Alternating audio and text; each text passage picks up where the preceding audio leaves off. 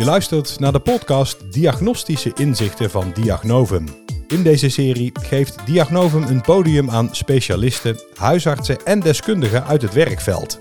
Zij delen hun inzichten met elkaar en buigen zich ieder vanuit hun eigen specialisme over diverse vraagstukken in de zorg. De host van deze serie is Kitty Joachims.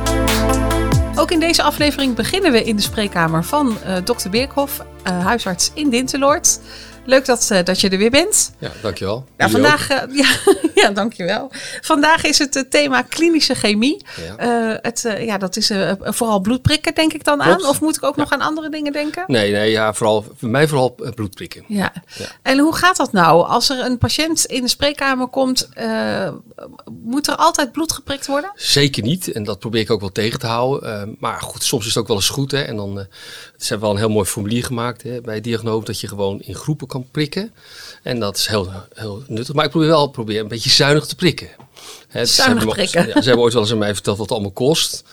Nou, dan word je wel een beetje stil als je dat uh, ziet. En dus uh, ik probeer dat altijd wel gedoseerd te doen. Maar het kan ook vaak voor mensen wel eens geruststellend zijn hè, als je wat het een en ander prikt. Ja, het geeft mensen toch het gevoel dat ze iets hebben kunnen uitsluiten of wellicht aantonen. Ja. Ja. Ik zeg ook wel eens bij bepaalde dingen, het is beter dat je het niet weet. Hè. En mannen willen nog wel eens hun PSA weten. Ja. Nou, dat moet je niet snel weten, want dan krijg je alleen maar stress als die wat verhoogd is, terwijl dat vaak heel onschuldig is. En er zijn er wel meer dingen, hè, cholesterol en zo. Maar goed, ik probeer altijd patiëntgericht te prikken. Ja, patiëntgericht prikken. Dus Ja. echt uh, wanneer het echt nodig is. Of Ja. wanneer je in ieder geval Ja. denkt dat het echt nodig is. Uh, als je nou zo op een, hoeveel patiënten zie je op een dag? Zo ongeveer? 40, 45. En hoeveel keer gaat er dan een bloedformuliertje? Nou, ik denk wel drie, vier keer per dag gaat er wel een bloedformulier. Ja. Oh, dat valt eigenlijk nog wel mee, toch? Ja, nou hebben we natuurlijk ook de, de zorgstraat. Hè? De diabetes zit in de straat. De hypertensieve patiënt zit in de straat. En zo er nog twee. En daar wordt standaard per drie maanden of per half jaar of per jaar... wordt bij die mensen geprikt. Worden dan opgeroepen door diagnose. Echt heel goed geregeld. Mhm. En dan uh, ja, worden ze geprikt. En daarna komen ze dan bij een van mijn assistenten op te spreken om dat te bespreken. Ja. Dus er wordt wel meer geprikt dan alleen via mijn uh, spreekkamer. Ja, ja. En uh, nou ja, soms moet je nuchter prikken, soms hoef je niet nuchter te prikken. Uh, ja. Zijn daar protocollen voor of hoe, hoe gaat dat? Nou, als ze nuchter moeten prikken, dan moeten ze natuurlijk vroeg te zijn. Hè. Mm -hmm. Bij mijn dorp kunnen ze tussen half negen en tien. En als ze thuis geprikt moeten worden, dan uh, zeg ik dan waarschijnlijk moeten ze of wachten tot na tien of soms ervoor. En, en dat is een beetje afhankelijk van wat je wil weten. Hè. Ik, cholesterol prik ik nog steeds nuchter. Ik heb ook wel eens gehoord dat dat niet nodig is, maar ik doe het altijd nuchter. En de, de nuchtere suiker is ook heel belangrijk bij diabetes. Ja, ja en, en um, krijg je daar dan vragen over van mensen? Van waarom moet ik daar nuchter voor blijven? Ja, of, dat, dat, willen mensen weten. Betrouwbare ja. waarde, ja. Ja, ja. Maar je zegt de cholesterol is een beetje dubieus of het wel of niet ja, nuchter ik heb wel eens gehoord dat het niet hoeft en wel hoeft. Dus, dus ik, ik doe het altijd nog steeds netjes nuchter. Maar ik ben misschien ook een, een dokter die nog dat al jaren doet. En dan kan je daar moeilijk vanaf. Hè? Dus ik doe het netjes nuchter. Ja, ja. ja. En um, um, wat lees je af aan die klinische chemie? Wat, wat, want je hebt een patiënt gezien, uh, ja. je hebt een bepaald vermoeden of je wil iets aantonen, uitsluiten.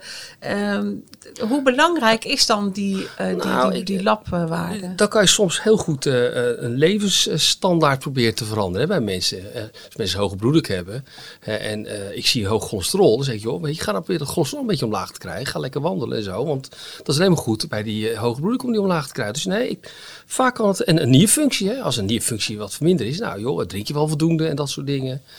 En uh, trouwens, bij klinische doen we ook urine nakijken. Mm -hmm. Ook bij uh, mensen met nierlijden, dat, of ze geen eiwit uitplassen. Ja. Daar kan je heel veel mee doen. Dus ja. nee, is wel heel belangrijk. Ja. En helpt het soms ook om patiënten ergens in te overtuigen? Ja, tuurlijk. Dat is alleen maar hartstikke leuk. Daar, daar is dat, dat bloed vaak heel belangrijk voor. Want ja. dan kunnen ze, als je een zes weken later weer prikt, of drie maanden, dan kun je, kan je zien of ze hun best gedaan hebben. Dan geef ze ook een pluim, hè? Oh ja. Ja, je moet mensen altijd een pluimpje geven als ze ja. iets goed doen. Ja, ja. ja precies. Ja, dat is gewoon dus, leuk om te doen. Een beetje een rapportcijfer eigenlijk. Ja. precies. Um, nou ja, uh, klinische chemie is dus ook wel echt iets wat uh, belangrijk is binnen de praktijk. Heel belangrijk. Uh, krijg je daar dan ook nog vanuit, vanuit Diagnovum of vanuit een andere instantie voorschriften, richtlijnen in? Nou, ze hebben blokken gemaakt wat je kan prikken bij een bepaalde vermoeden van een aandoening. En uh, wat ik leuk vind, uh, dat is het reflecterend uh, kijken. Hè, dat ze mij vergelijken met collega's. Hè, er zijn collega's die bepaalde aanvragen heel veel doen. Dat zal ik ook wel eens doen. En dan ja, wordt er gekeken, waarom doe je dat nou? En dan, ja. dan bespreken we dat via een, En uh, komen bij elkaar, een soort hagro-bijeenkomst of een FTO, zoals dat in ons vakgebied heet. Ja. Dat is echt leuk. Ja, en dan krijg je ook weer inzichten van hoe andere Ja. dingen aanpakken. Ja. Ja. Ben je daardoor ooit wel eens anders gaan prikken misschien? Dingen minder of meer nou, gaan ik, ik probeer, ja, in het begin natuurlijk heel al- altijd, hè, en dan verwatert dat weer een beetje, maar ik probeer het wel. Ja, ik, ik probeer wel eens te kijken waarom prik ik dat nou nooit, hè? Of, eh, en in mijn collega wel. En dan, ja, dan vraag ik dat. Ja. En dat is heel interessant. Ja. Ja. Nou, mooi. Mooi kijkje in de keuken. Dankjewel. Ja, zeker. Ja, en van de spreekkamer van dokter Birkhoff eh, verhuizen we gewoon naar de podcastruimte in het Bravis ziekenhuis. Ehm, erg leuk dat we daar gebruik van mogen maken vandaag. En bij ons eh, zitten een aantal mensen die alles weten van de klinische chemie. Dus ik stel voor dat jullie je eerst eventjes voorstellen en even vertellen wie je bent en wat je doet. En eh, normaal begin ik bij de dames, maar vandaag begin ik bij de heer. Oh, dat is op dank. dank. Ik ben Ralf Triepels. Ik ben klinisch chemicus, zeg maar specialist die bezighoudt eh, bezighoudt met klinische chemie. En ik ben daarnaast de directeur van Acurion. En Acurion eh, voorziet de ziekenhuis, de Brave ziekenhuis en ziekenhuis zorgzaam voor klinisch chemische ondersteuning. Hè. Dus wij zijn eigenlijk het lab van die beide ziekenhuizen. En verzorgen ook voor die ziekenhuizen de trombosezorg. En dat doen we ook voor het ADRZ. Dus het Admiraal de Ruiter ziekenhuis in eh, Goes Vlissingen. Ja, dus zo heb je eigenlijk met heel veel eh, ziekenhuizen in de regio ook eh, te maken. Ja, zeker. Wij, eh, ja, dit is een beetje de tendens zoals we dat zien, ook landelijk. Hè, dat we toch met elkaar moeten gaan samenwerken. Daar komen we denk ik nog wel op terug wat daar de redenen van zijn. En ja, dat is de start die we gemaakt hebben 1 januari 21. Eh, en wij doen eh klinisch-chemische eh, diagnostiek ondersteuning voor de ziekenhuizen, maar ook voor de zorgcentra en voor de huisartsen, de eerste lijn. Hè, voor de huisartsen die werkzaam zijn in de adherentiegebieden van, eh, van die ziekenhuizen. Ja, helder. Nou, daar komen we inderdaad zo meteen nog uitgebreid op terug. Ik ga eerst eh, naar jouw buurvrouw. Ik ben uh, Annemarieke Lood. Ik ben ook klinisch chemicus, maar in uh, ADRZ, in het Zeeuwse. Uh, en dat ben ik nu sinds vier jaar uh, daar. En wij doen inderdaad, net als Acurion in West-Brabant, doen wij in Zeeland de diagnostiek voor de ziekenhuis, het ziekenhuis uh, ADRZ en voor de eerste lijn, voor de uh, verzorgingstehuizen, voor de verloskundigen. En, uh, ja, dus ook heel breed eigenlijk. Ja, zo even breed, maar ja. in een andere regio. Ja. ja, en er zijn ook meerdere vestigingen volgens mij hè, ja, van het ja, ziekenhuis. dus ADR 60 gevestigd met name een hoofdlocatie voor de klinische zorg in Goes. En we hebben nog een, een klinische locatie in Vlissingen voor dagbehandeling. Mhm. Mm -hmm. En dan hebben we nog polyklinische locatie in Zierikzee. En als lab hebben we nog een afnamelocatie in uh, Middelburg. En daarnaast heeft Diagnovum in de hele regio nog heel veel prikpunten. Ja, en zo bedien je bijna de hele provincie, denk ik. Ja, behalve dus uh, dus, uh, Vlaanderen, Vlaanderen, waar ja. Acurion dus ja, werkt. Ja, precies. Ja. En dan ga ik weer naar jouw buurvrouw. Ja, dankjewel voor de uitnodiging. Ik ben uh, Suzanne Stam. Ik ben huisarts, uh, nu uh, 23 jaar. En ik heb uh, de eerste 20 jaar van mijn carrière zelf een huisartsenpraktijk gehad. Maar de afgelopen jaren uh, heb ik dat uh, achter me gelaten. En nu ben ik werkzaam bij verschillende organisaties. Ik werk bij een psychiatrische instelling, bij een in de gehandicaptenzorg als huisarts en in een huisartsenpraktijk. in een dorpje helemaal onder in de rand van Nederland, het dorpje Ossendrecht. Oh, dat is een bekend dorpje. Oh, ja, zeker. Ja, voor mij wel in ieder geval. Ja. Prachtige plaats. Maar dan maak je wel eigenlijk alle aspecten van het huisartsenvak mee op die manier. Klopt, inderdaad. Want ik heb uh, vorig jaar ook uh, nog bij andere organisaties gewerkt. Dus je ziet inderdaad ook hoe dat het overal uh, een beetje, een beetje ja, in elkaar zit eigenlijk. Hè? Iedereen doet het weer op een andere manier. Maar je merkt eigenlijk in de hele breedte van het vak dat er op de uitvoering soms verschillende keuzes worden gemaakt. En uh, nu dat je dat bij zoveel verschillende organisaties ziet, denk je, goh, waarom vindt iedereen dat wiel toch weer opnieuw, opnieuw uit. allemaal uit? Ja. ja. Dan kom je weer een beetje op die samenwerking die Ralf ook al noemde. Ja, ja. nou daar gaan we het uh, vandaag uitgebreid over hebben. Um, um, maar eerst wil ik eigenlijk van jullie gewoon eens weten als uh, klinische chemici, hè, dat is het meervoud, uh, Ralf en Annemarieke, wat is er zo leuk aan het vak klinisch chemicus? En wat houdt het in als je het in één zin zou moeten omschrijven? Nou ja, de klinisch chemicus houdt zich uh, ja, op, op professioneel uh, gebied bezig met de validatie en Uh, ook de beoordeling van de klinisch-chemische diagnostiek. Hè. We hebben natuurlijk laboratoria waar heel veel medewerkers werken. Uh, we hebben analytisch personeel die, die zorgen voor de analyses. Hè. Wij, werken met grote geautomatiseerde robotstraten vaak. Hè. Dus er gebeurt heel veel. Dus er komen heel veel getallen voorbij die ja, ook gecontroleerd moeten worden op juistheid, op, op inhoudelijkheid. En wij maken een soort brugfunctie tussen het laboratorium, dus de getallen die we daar produceren, en de kliniek. Dus wij, uh, ja, wij, hebben ook een consultancyfunctie naar uh, bijvoorbeeld specialisten van het ziekenhuis, maar ook naar huisartsen. Als er vragen zijn van, goh, hoe kan ik uh, een bepaalde diagnose verder ondersteunen? Of ik krijg een uitslag waarvan we zeggen, ja, die vind ik wel afwijkend, maar het past niet in beeld, kun je ons helpen? Of kunnen we nog vervolgdiagnostiek doen? Dus dat maakt het vak wel heel interessant omdat je ook vaak niet weet hoe de dag uh, er uh, gaat uitzien. Je hebt wel een vermoeden, maar vaak gaat dat door omstandigheden alle kanten op. Ja, dat vind ik wel erg interessant. Ja, het helemaal anders. Geen dag is hetzelfde. Nee, het is heel afwisselend inderdaad. Het gaat echt van het heel kleine tot het grote procesmatige. En dat is ook wat het uitdagende houdt. En het is ook een innovatief vak waar we elke keer weer mee moeten bewegen met de nieuwe ontwikkelingen. Het werkt echt op het snijvlak van echt de, de mens. En toch de hele grote ICT-systemen die je daar kan gebruiken om het te ondersteunen. Echt van klein tot groot, van oud tot jong, van uh, grote vreugde en zwangerschappen tot grote verdriet en uh, ernstige ziektes. Dus het is echt uh, alle hoeken van het spectrum zien wij. Ja. en soms binnen echt een paar uur van een dag. Ja. Ja, dan zit alles van het leven zit erin. Ja. Ja, ja, ja. ja. dat maakt het inderdaad wel boeiend, lijkt me. Ja. Ja, um, daar zei jij net al, Suzanne, um, waarom wordt dat wiel toch steeds opnieuw uitgevonden? Um, betekent dat dan nou ja, ik vraag het tegen beter weten in. Maar ik zou zeggen, betekent dat dan dat er geen protocollen, geen richtlijnen zijn? Die zijn er vast wel. Uiteraard zijn die er inderdaad. Maar aan die protocollen, het is vaak op uitvoeringsvlak. Dat het, uh, hè, hoe gaan we dat dan doen? En wat hebben we dan nodig? Op die vragen, ja, daar begint toch elke organisatie toch weer zelf iets op te verzinnen. Ja. Dat, dat zie je op bijna elk vraagstuk bij een organisatie. Ja. En dan, uh, ja, binnen de huisartsenpraktijken is dat zeker zo. We hebben hier in de regio het adherentiegebied van het Bravis. Nou ja, heb je zeg maar um, ehm, 100 huisartsen hè, met ongeveer 60 huisartsenpraktijken. Ja, dan, dan zie je dus inderdaad dat toch vaak binnen de muren dingen uh, bekeken worden en opgelost worden. In plaats van over de schutting te kijken en te zeggen, goh, nou weet je wat, als jij nou plan A oplost, dan doe ik plan B. En dan nemen we dat van elkaar over. Ja. Maar dat gebeurt in mijn ogen uh, ja, bijzonder weinig. Klinkt dat bekend voor jullie? Ja, nou, deels. Hè, want wij hebben natuurlijk wel, als we iets uitrollen, dan moeten we het eigenlijk voor een regio. Maar het is voor ons ook wel best wel lastig om daar dan consensus over te krijgen. Want je wil best wel iets uitrollen, maar dat zou je graag samen met de huisartsen doen. Omdat zij er uiteindelijk profijt van moeten hebben. Dus wij kunnen wel iets leuks bedenken achter ons bureau.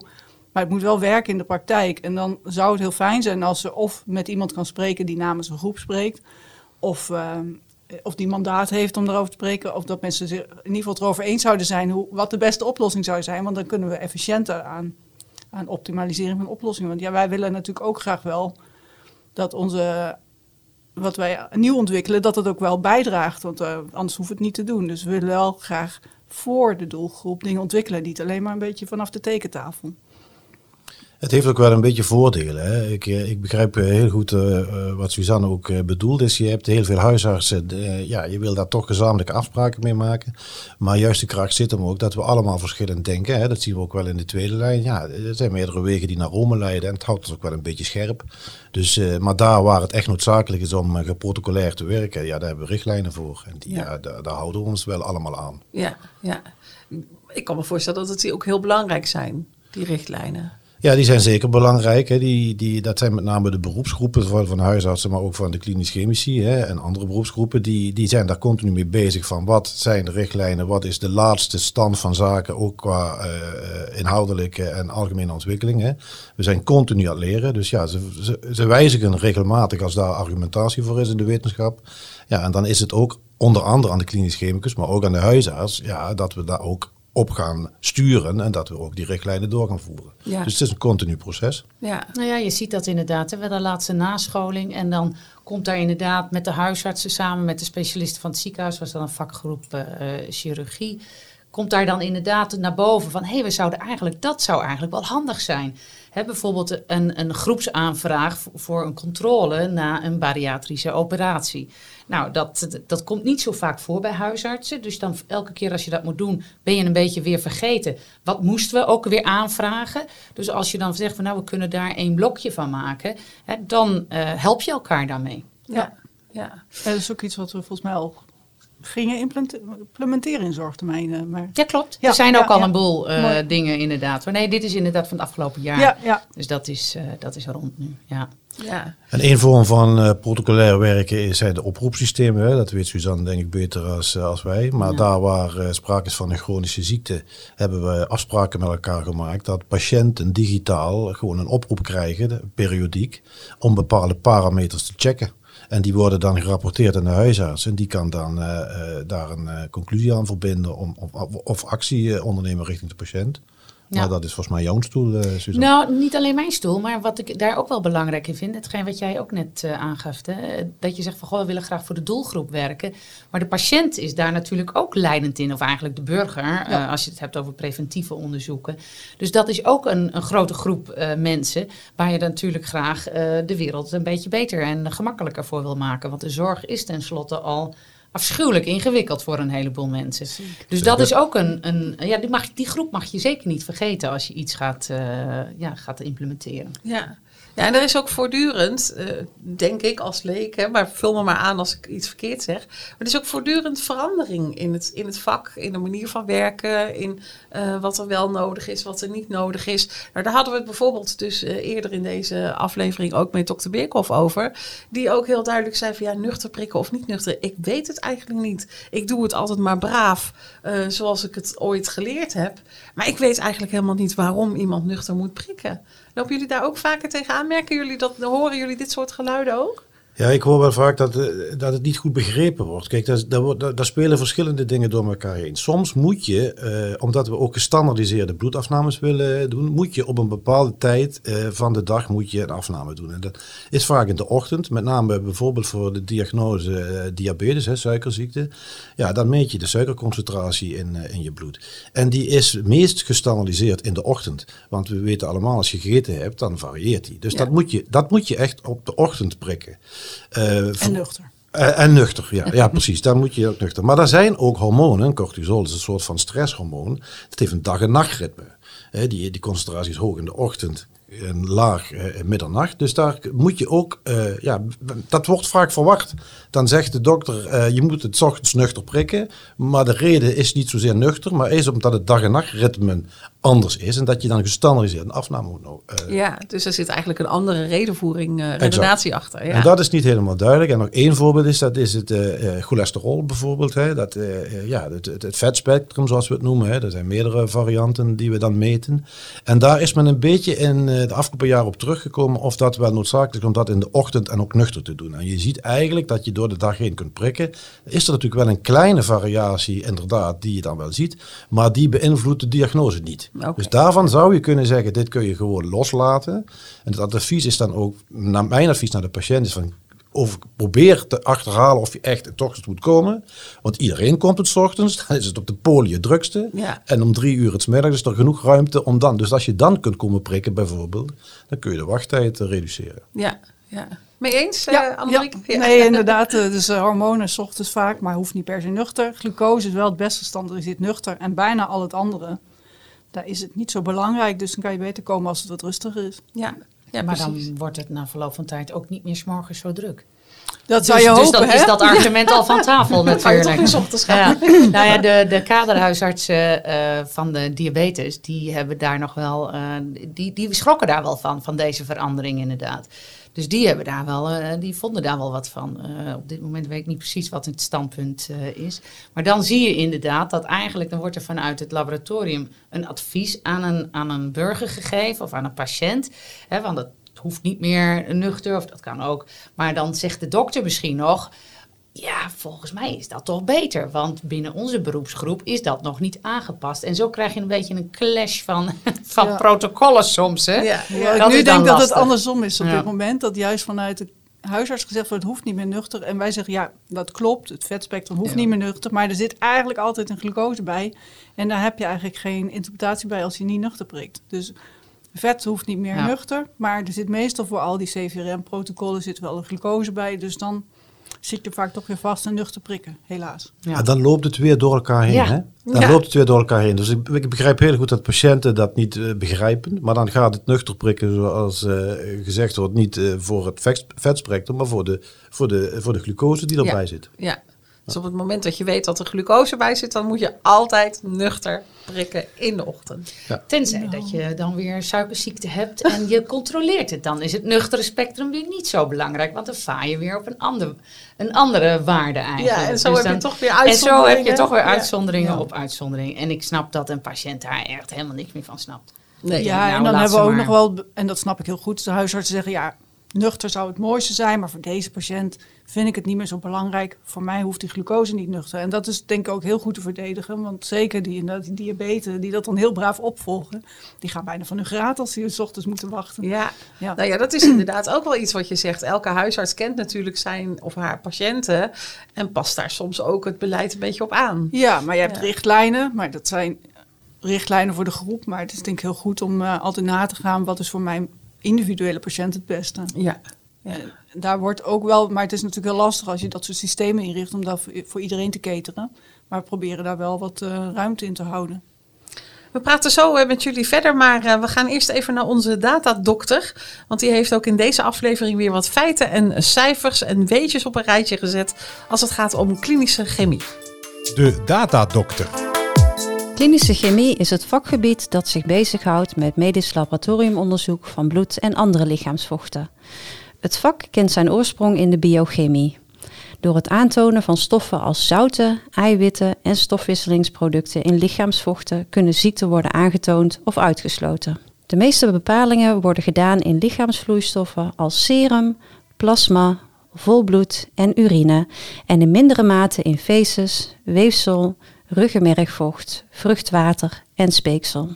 Een uitslag wordt meestal geïnterpreteerd aan de hand van zogenaamde referentiewaarden, in de wandelgangen ook wel normaalwaarde geheten.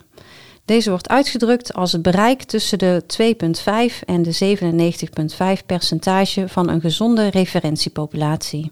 Een CRP-test is een van de meest aangevraagde onderzoeken van het bloed. Het gehalte CRP geeft een aanwijzing over de aanwezigheid van ontstekingsproces of infectie in het lichaam. De CRP-test is een algemene bepaling. Deze test toont niet specifiek een ziekte of aandoening aan. Een bloedafname die met spoed wordt aangevraagd heet een CITO. Klinische chemielabs die samenwerken met Diagnovum hebben de te onderzoeken materialen vaak dezelfde dag onderzocht, waardoor een uitslag vaak binnen 1 tot 2 dagen bekend is bij de huisarts en de patiënt. Klinisch Chemisch Laboratorium Accurion is op 1 januari 2021 ontstaan uit de verzelfstandiging van de Klinisch Chemisch Laboratorium en trombosediensten van het Brave Ziekenhuis en Zorgzaam Ziekenhuis. De trombosedienst van het Admiraal de Ruiter Ziekenhuis is eveneens onderdeel van Accurion. Ja, dan eh, ga ik de knuppel maar eens in het hoenderhok gooien. Is het lab nog wel nodig? Ik vind wel, ben wel benieuwd wat de huisarts daarvan denkt eigenlijk. Eh, ja, dat kan je natuurlijk vanuit verschillende standpunten weer eh, belichten. Want is het, hart, het lab nodig via de huisarts? Dat is dan een, een, een insteek. Dus je van, goh, moet nog wel een dokter daarbij komen? Of moeten we dat gewoon de mensen zelf rechtstreeks laten aanvragen? Of heeft de dokter misschien helemaal geen lab meer nodig om zijn diagnoses te bepalen? Ja, dat, dat zijn twee verschillende zaken zoals je het kan, eh, kan En, zien. en wat Ja. zou jouw antwoord zijn op die laatste vraag? Ik heb het wel nodig. ik gebruik dat toch vaak. Ja. Ja. Ik vind het fijn. Ik denk zelfs hoe meer dat je het gebruikt, hoe meer dat je het gaat, nog, ja, hoe meer dat je het weer gaat gebruiken. Kijk naar iets kleins zoals een POCT, een CRP bijvoorbeeld. Dat, eh, ja, ik ja, ben 23 jaar huisarts, 23 jaar geleden bestond dat niet. Dus bij hoestende mensen deed je nooit een CRP. Dan, eh, dan ging je op je klinische blik en je luisterde wat. En je dacht, nou deze wel, deze niet. Eh, met antibioticum behandelen, dat was meer echt op, op, op ervaring en, en klinische blik. En nu vaar je eigenlijk toch wel meer op een, een, een laboratoriumwaarde. Van zo'n van vingerprik die ook heel gemakkelijk ja, te verkrijgen is. Ja. Op elk moment van de dag, 24-7. En, en denk je dat je dan in de toekomst ook zegt, nou, ik zet al die apparaatjes gewoon in mijn eigen praktijk neer? Of vind je het toch wel fijn als er ook nog gewoon een lab op, eh, op afstand zit, waar, Ehm. waar wat uitgebreidere mogelijkheden zijn? Nou, ik denk dat de, de kennis die, want, zoals jullie al aangaven, dat je ook een, een, een vraagbaak bent voor huisartsen. Dat is natuurlijk wel iets van, eh, van belang, denk ik. Als je elkaar kennis kan gebruiken, want die heeft uiteraard niet iedereen. Dus daar zie ik zeker wel een, eh, een toegevoegde waarde. Daar Ja. zou je in principe geen laboratorium voor nodig moeten hebben Nee. hè, voor die kennis. Maar ik denk wel, de vraag is heel algemeen gesteld. Hè, En dan zeg ik keihard ja, natuurlijk. Laboratoria zijn wel noodzakelijk. Alleen de hoedanigheid en waarop je dat invult, daar kun je wat eh, van eh, verschillen verzinnen. Ik zal één voorbeeld noemen. Hè. Met name in de ziekenhuizen. Ja, wij, wij, wij zullen in ieder, labor, in ieder ziekenhuis aanwezig moeten zijn.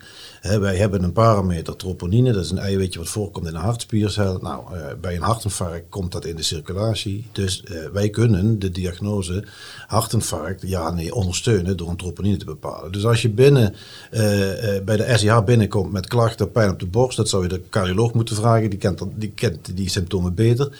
Dan wil je wel binnen een half uur wil je wel weten, ja, is het nou een hartinfarct of niet? Want dan moet ik op acteren. Ja. Dus ja, dan kun je het lab niet wegdenken. En dat is één voorbeeld van de nog 150. Kan je kan straks noemen. ook point of care meten, de troponine. Nou ja, dat is dan de hoedanigheid. Ja, dat, is ook de manier waarop. Ja, dat is de manier waarop. hè. We hebben, we hebben een, we- mogelijkheden om het eh, op, eh, aan het bed of in de huisartspraktijk te meten. Maar dat zijn vaak kleine apparaatjes waar je niet de hoeveelheden mee aan kunt die we in de kliniek zien of die we, in de, die we gewoon in een laboratorium zien.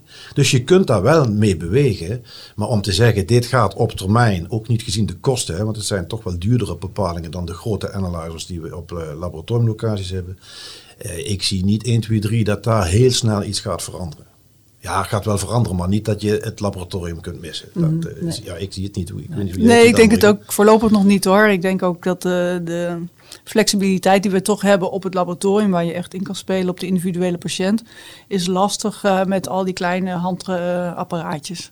Ja. En ook, vergis je niet, het kost ook best wel veel tijd voor een individuele verpleegkundige of eh, assistente om één meting te doen voor één waarde. En terwijl wij, ja, het gaat in de grote bulk mee en je hebt eh, tientallen uitslagen in binnen de kortste keren. Ja, dat wou ik net zeggen inderdaad. Want je kan wel al die ja, olifantjes in je praktijk hebben staan. Maar wie gaat dat dan doen? Want die telefoon rinkelt de hele dag. Dus ja, waar, waar ga je dan mee bezighouden? Je hebt elkaar nodig in deze. Je kan het allemaal niet alleen doen. Je, je moet gebruik maken van elkaars expertise. Ja. En daar vind ik dan ook wel dat je daar wel een, een onderdeeltje bij kan bekijken. Gewoon welk lab zit dan dicht in de buurt? Hè? Wat, wat, welk, welk eh, ja, qua files en qua milieubelasting vind ik ook wel als je als huisarts daarover mag nadenken. Van, van welk lab maak ik dan gebruik? Hè? Als je zegt ik wil, ben echt tegen files, ja, dan moet je al die dingen in je praktijk hebben staan. Dan heb je geen files meer. Dus dat is dan, of er geen files meer, dan heb je geen eh, autootjes meer op de weg die bu- buisjes gaan rondrijden. Maar als je zegt van, goh, ik maak gebruik van, van iets dicht in de buurt. En dat is dan inderdaad, dan hebben mijn assistenten weer meer tijd om patiënten te woord te staan.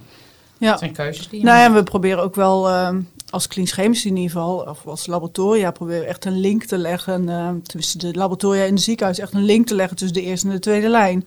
We schakelen ook snel als we een, een huisartspatiënt iets geks vinden. Dan schakelen we soms ook wel snel met de hematoloog bijvoorbeeld, als het echt urgent is. En soms vinden huisartsen het ook wel fijn. Oh, misschien kan jij het even uitleggen. Dat is handig. Ja, Eh, zeker. Ja, en uh, probeer ook wel echt het dossier eh, continu te houden, zodat je uiteindelijk voor de patiënt efficiënter kan werken. Dat niet als hij naar de huisarts, van de huisarts naar een specialist gaat, dat alles nog een keertje over moet. Ja, dat, die dubbele diagnostiek, dat is ook echt om droevig van te worden. Hè, dat er weer iets opnieuw geprikt moet worden, want het is niet inzichtelijk, omdat het digitaal niet met elkaar praat. Ja, daar word ik echt heel droevig van. Ja, en is het soms ook niet een beetje gewoon een gewoonte dat een huisarts al iets heeft aangevraagd, doorverwijst naar de specialist en dat de specialist dan zegt van nou ik wil toch al dat lab nog even eh, Als het, uit overdoen? een, als het uit een ander lab komt, soms wel. Dat zie je ook met, met bepaalde onderzoeken. eh, dat ze zeggen, ja, ik kan toch, toch niet helemaal die kwaliteit vertrouwen. Of ik wil het toch eh, vervolgen. Dus dat, daar heeft dat mee te maken, inderdaad. Ja. Ja, het wisselt ook hoor. Ik hoor ook specialisten zeggen, nou ik kijk eerst wel even wat de huisarts heeft gedaan. En dan kijk ik wat ik nog nodig vind. Maar goed, dan is er vaak toch ook alweer een tweede afname nodig. Dus het wisselt. Sommige eh, specialisten gaan er anders mee om dan anderen. Ja, We zijn daar wel continu eh, mee in gesprek, hè, dat we dat toch proberen eruit te halen. Inderdaad, wel gezegd wordt. Uh, een van de voordelen, maar ik begrijp nu goed wat ik zeg, is dat uh, als je een ziekenhuislaboratorium gebruikt, dan staan de, de, de, de parameters zoals ze gemeten zijn ook in het elektronisch patiëntendossier. Mensen die in het adherentiegebied van het ziekenhuis wonen, die komen dan ook op welk tijdstip dan ook in dat, in dat ziekenhuis terecht. En dan, dan heb je wel een volledig dossier. Ja. en nou zou je kunnen zeggen, ja, dat zou je ook met andere ziekenlaboratoria kunnen realiseren. Daar wordt wel heel makkelijk over gedacht. Want A, het kost heel veel geld om systemen aan elkaar te knopen. En wij van Acurion werken al over uh, meerdere ziekenhuizen. Dus wij proberen dan ook die getallen uh, op alle locaties inzichtelijk te krijgen voor onszelf. Uh, maar ook voor de, voor de patiënt, zeg maar. En dat is best wel lastig, omdat je door al die firewalls... En, en ik snap het allemaal wel, hè, want het is allemaal veilig. Ja. Het zijn heel veel systemen aan elkaar geknoopt. Het is allemaal niet zo heel simpel om dat eventjes aan elkaar te knopen. Dus dat, dat, dat moeten we ook niet te simpel zien, zeg maar. Ja, er zit echt wel haken en ogen aan. Wat je ook ziet is natuurlijk van, van oudsher, was er hier in de regio bij elke huisartsenpraktijk, die werkte eigenlijk samen met een, een huisartsenlaboratorium. En die, uh, die zijn hier in de streek ingeburgerd. En die mensen, dus de, de, die prikken, die hebben ook een band opgebouwd met de, met, met, met de burgers die ze prikken. Ja. En soms ben je moeilijk te prikken. En dan zeg je, nou, ik wil toch wel graag door Annie geprikt worden, want die kan dat wel heel goed. En dan wil je eigenlijk ook liever niet van, van laboratorium veranderen uh, of aanpassen. Terwijl het eigenlijk vanuit het standpunt van, van uh, nou ja, communicatie met elkaar en inzichtelijkheid, dat wel beter zou zijn. Dus er zijn verschillende factoren waardoor dat, dat dan toch soms niet lukt. Ja, dat ja. klopt. Ja, en vaak heb ik het idee dat de buitenwereld ook denkt dat we niet samen willen werken. Dat is absoluut niet waar. We willen ook echt met andere laboratoria samenwerken. Maar de, uh, de innovatie gaat ons ook een beetje wat dat betreft uit elkaar drijven. Hè. Ik zal een voorbeeld noemen. Wij, wij, wij stickeren nog uh, buisjes. Wij willen eigenlijk naar pre-labeled buizen noemen we dat. Waarbij dus een soort uh, chip in zit. Zodat je eigenlijk gewoon, ook gewoon ook AVG technisch, hè, qua privacybeleid, ja. gewoon niet meer kunt zien van wie die buis is als die ergens op straat terecht komt, maar ook digitaal gaan aanvragen. zodat de huisarts straks digitaal een aanvraag kan doen voor ons laboratorium. Dat betekent wel dat die ook herkenbaar moet zijn bij de prikpost waar die patiënt aan komt. Dus wij kunnen die order ophalen. Ja, als je dan bij de, een ander laboratorium naar binnen loopt, kennen we dat, kent dat systeem die order niet. Dat geldt ook andersom. Dus ja, weet je, dat is nou eenmaal de wereld waarin we, we leven. Ja, ja. we hebben altijd een formulier gehad op papier, waarbij je dus uh, de naam van de patiënt staat natuurlijk op. En dan kruist de aanvraag, de huisarts aan wat hij of zij wil bepalen. En dat doen we al, uh, ja, ik maak nog een grap van 150 jaar gebruiken we dat formulier. Dat is in ons ruggenmerk vastgegroeid. Uh, maar nu we Accurion zijn, hebben we ook een, functionaris die kijkt met maar, hoe ga je om met privacybeleid. Die, zegt wat, die komt dan uit het bedrijfsleven en zegt wat is dit een graag formulier. Daar staat gewoon op dat je uh, een HIV-test moet ondergaan. Ja. Dat hoeft de persoon die jou prikt op een prikpolie helemaal niet te weten. Die moet weten welke buis geprikt moet worden. En toen dacht ik, ja, je hebt eigenlijk gewoon wel een punt. Daar moeten we naartoe. Ja. Dat, dat wordt te weinig gerealiseerd, ja. dat weet ik zeker. Dat, ja. Uh, dat ja, mensen, ook, ook, ook mensen hè, die geprikt worden, die realiseren zich dat ook te weinig. Dat het eigenlijk ja, niet meer van deze tijd is om met een formulier rond te gaan lopen. En toch gebeurt dat wel vaak, want als je het dus digitaal aanvraagt en je stuurt het per mail naar de, de patiënt toe, dan moet hij dat printen. Maar ja, niet iedereen heeft een printer thuis en dan zit je weer met een papier wat dus ergens nou ja, afgegeven dat, dat papier moet er tussenuit. Dat papier moet weg. Ja. Nee, we willen een, een, een, digitaal gesloten keten eigenlijk. Daar streven we naar. Maar dat betekent wel dat je als huisarts al met je patiënt moet bespreken. Van ja, ik, als ik op deze knop druk, dan gaat het naar dat laboratorium. Want de patiënt heeft eigenlijk vrije keuze in zorgverlener. Ja. Als je naar de bioscoop gaat of naar New York vliegt, dan uh, doe je alles via je telefoon. Hè? Zo ja. gaat het vaak. Je krijgt geen ticket meer. Soms uh, is er nog niemand meer die je helpt. Hè? Ga je nee. gewoon via een draaipoortje naar binnen. Allemaal gedigitaliseerd. Maar in de zorg hebben we nog allemaal een formulier. Nou, ja. daar, gaan we wel, daar gaat wel verandering in komen, denk ik. Ja, nee, dat, moet veranderen. Ja. dat moet veranderen. moet veranderen. Kan niet anders.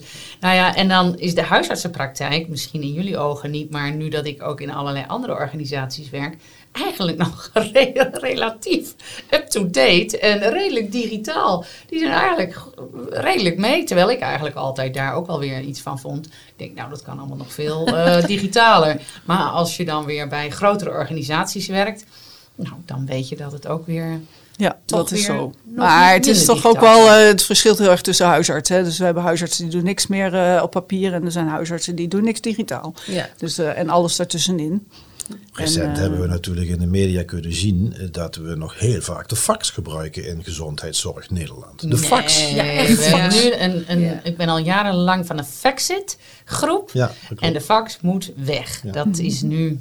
Nou, daar zijn we het allemaal wel over eens. Wij zijn ook een heel eind om dat, eh, om dat te doen. Nog niet iedere, aan de andere kant eh, moet dan ook eh, zo'n beleid hebben. Hè. Dus het Brave ziekenhuis maakt zich daar heel sterk in. En is daar ook al heel ver in gevolgd. Misschien al klaar, dat weet ik niet eh, precies. Maar wij nemen dat wel over. Dus die fax gaat er ook echt Nou, uit. wij faxen niks. Dus het heet wel fax, maar het gaat naar een e-mailadres en dan komt het in een mailbox. Maar het is nog steeds wel echt een handmatige handeling. ehm. We hebben best koppelingen real-time naar het ziekenhuissysteem. We hebben real-time koppeling naar het patiëntendossier. Maar naar de huisarts is nog een heel discrete koppeling die de huisarts één of twee keer per dag binnen kan halen. Dat is ook denk ik een beetje de, de remmende vooruitgang. Er zijn ooit systemen zijn in een bepaalde richting ingeslagen. En ja, de huidige koppelstandaard die, die eh, kunnen ze dan niet meer aan. Maar om dat dan voor heel Nederland te gaan wijzigen voor alle huisartsen, dat is natuurlijk een mega operatie. Dus dat zie ik nog niet zo heel gauw gebeuren.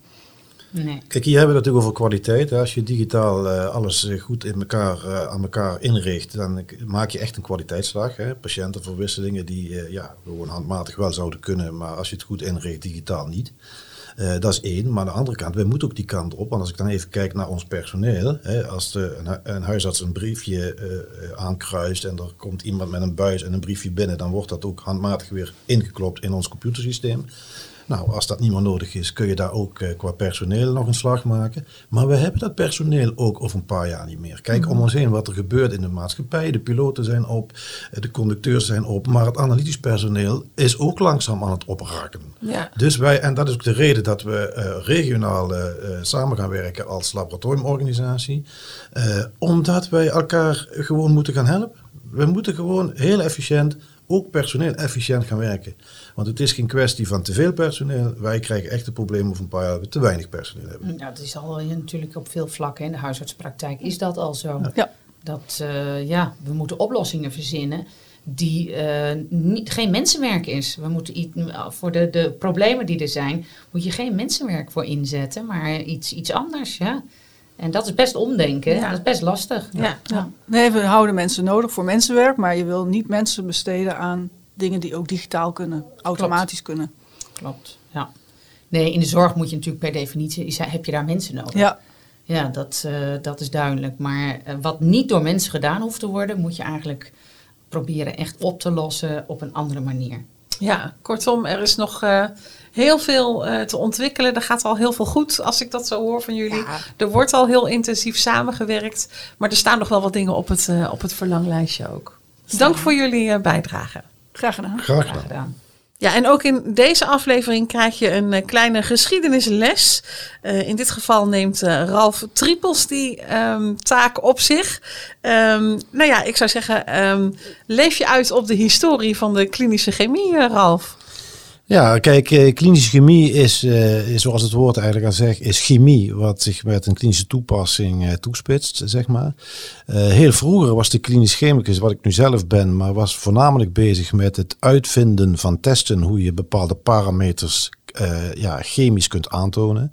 Wij werken binnen de klinische chemie vaak met kleurreacties. Dat betekent dus stel voor dat je eh, eh, glucose wil bepalen, concentratie in bijvoorbeeld serum. Dan moet je een reactie proberen te bewerkstelligen dat je een, een kleurreactie veroorzaakt die afhankelijk is van de hoeveelheid glucose. En als dat goed gaat, dan kun je daardoor die kleurmetingen, daar is allemaal apparatuur voor nodig, dat kenden we vroeger ook al wel, kun je dus een kleurreactie teweeg sp- brengen en dus een concentratie berekenen. Dus vroeger was het vakgebied zo dat het met namelijk daarop toegespitst was. Dus academici waren bezig met het ontwikkelen van testen. We deden ik, ik, noem maar een voorbeeld, toen eh, 10 eh, glucosebepalingen per dag. En tegenwoordig zijn dat er eh, 60, 70.000, misschien wel meer per jaar. Eh, en nu, als je dus nu kijkt wat er nu staat, dan kunnen we dat niet meer handmatig doen. Hè. Vroeger was het werk natuurlijk vaak handmatig. Ook analytisch personeel was vaak eiklijnen aan het maken met verdunningen die ze handmatig moesten verdunnen. Ik zelf heb een hele lange studieperiode gekend eh, en ben ook analist geweest, eh, eh, zeker in een stageperiode. En ik heb nog met de mond urine gepipeteerd. Hè? Dus dat je dan, eh, ja, dat was vroeger normale gang van zaken, is nu ondenkbaar. Eh, en de, behandbepalingen die we destijds deden, ja, dat, is, dat kan gewoon niet meer. Dus nu is het helemaal veranderd. Nu hebben we grote, robuuste apparatuur die uh, duizend buizen per uur aan kunnen. en wij zijn als klinisch chemicus ook niet meer echt bezig met het maken van testen. Dat doen de leveranciers voor ons. wij krijgen ook vaak gewoon reagentie aangeleverd, kant en klaar. We moeten alleen ervoor zorgen dat de apparatuur doet wat het moet doen. En dat wij ook erop toezien dat de, de uitslagen die geproduceerd werden goed zijn. Dus daar is heel veel veranderd. Maar ook echt inhoudelijk is ook veel veranderd. Ik zal een voorbeeld noemen, heb ik net volgens mij ook al over gehad, over een hartinfarct. Hè. Vaak gaat dat gepaard met hartschade, hè, dat het, het hart gewoon deels kapot gaat, zou ik maar zeggen.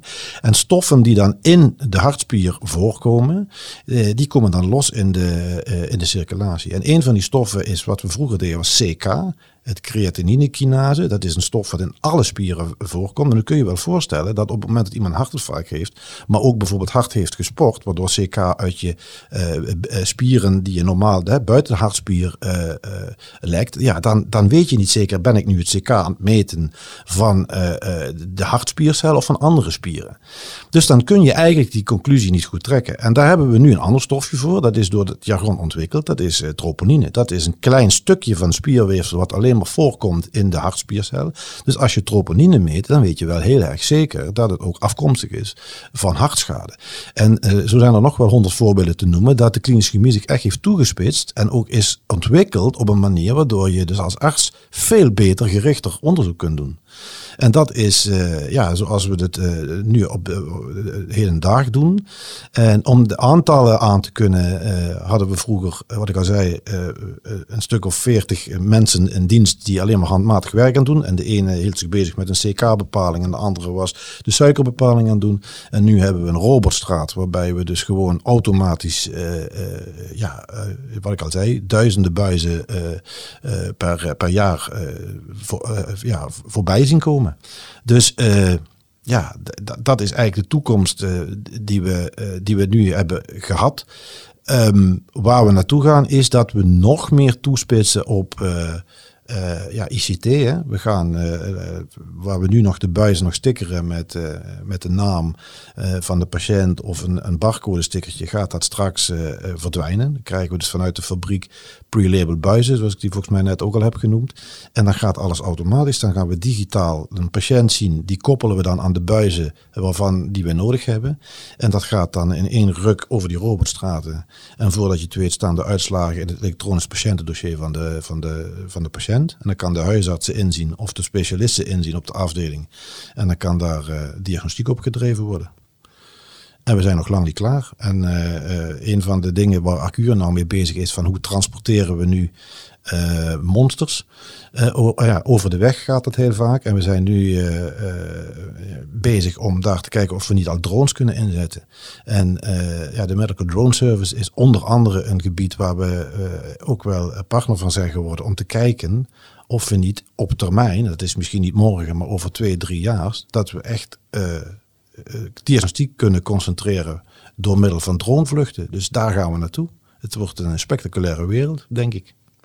Mooi, dankjewel. Mooi dat je ons zo hebt meegenomen door de tijd heen. Dankjewel. Ja, en dit was dan alweer de tweede aflevering van de podcastserie Diagnostische Inzichten.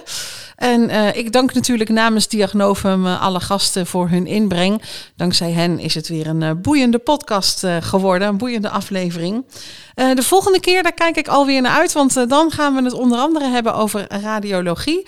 En daarom zijn we dan te gast in het Elisabeth II Steden ziekenhuis in Tilburg, waar we aanschuiven bij de radiologen Fiek van Tilburg en Koos van Oort. Maar ook dan beginnen we natuurlijk in de spreekkamer van dokter Beerkhoff in Dinteloord. Dus graag tot dan. Tot zover deze aflevering van de podcastserie Diagnostische Inzichten. Vond je deze aflevering interessant? Deel hem dan met je collega's en de mensen uit jouw netwerk. Wil je meer weten over de aanbieder van deze podcastserie? Kijk dan op www.diagnovum.nl.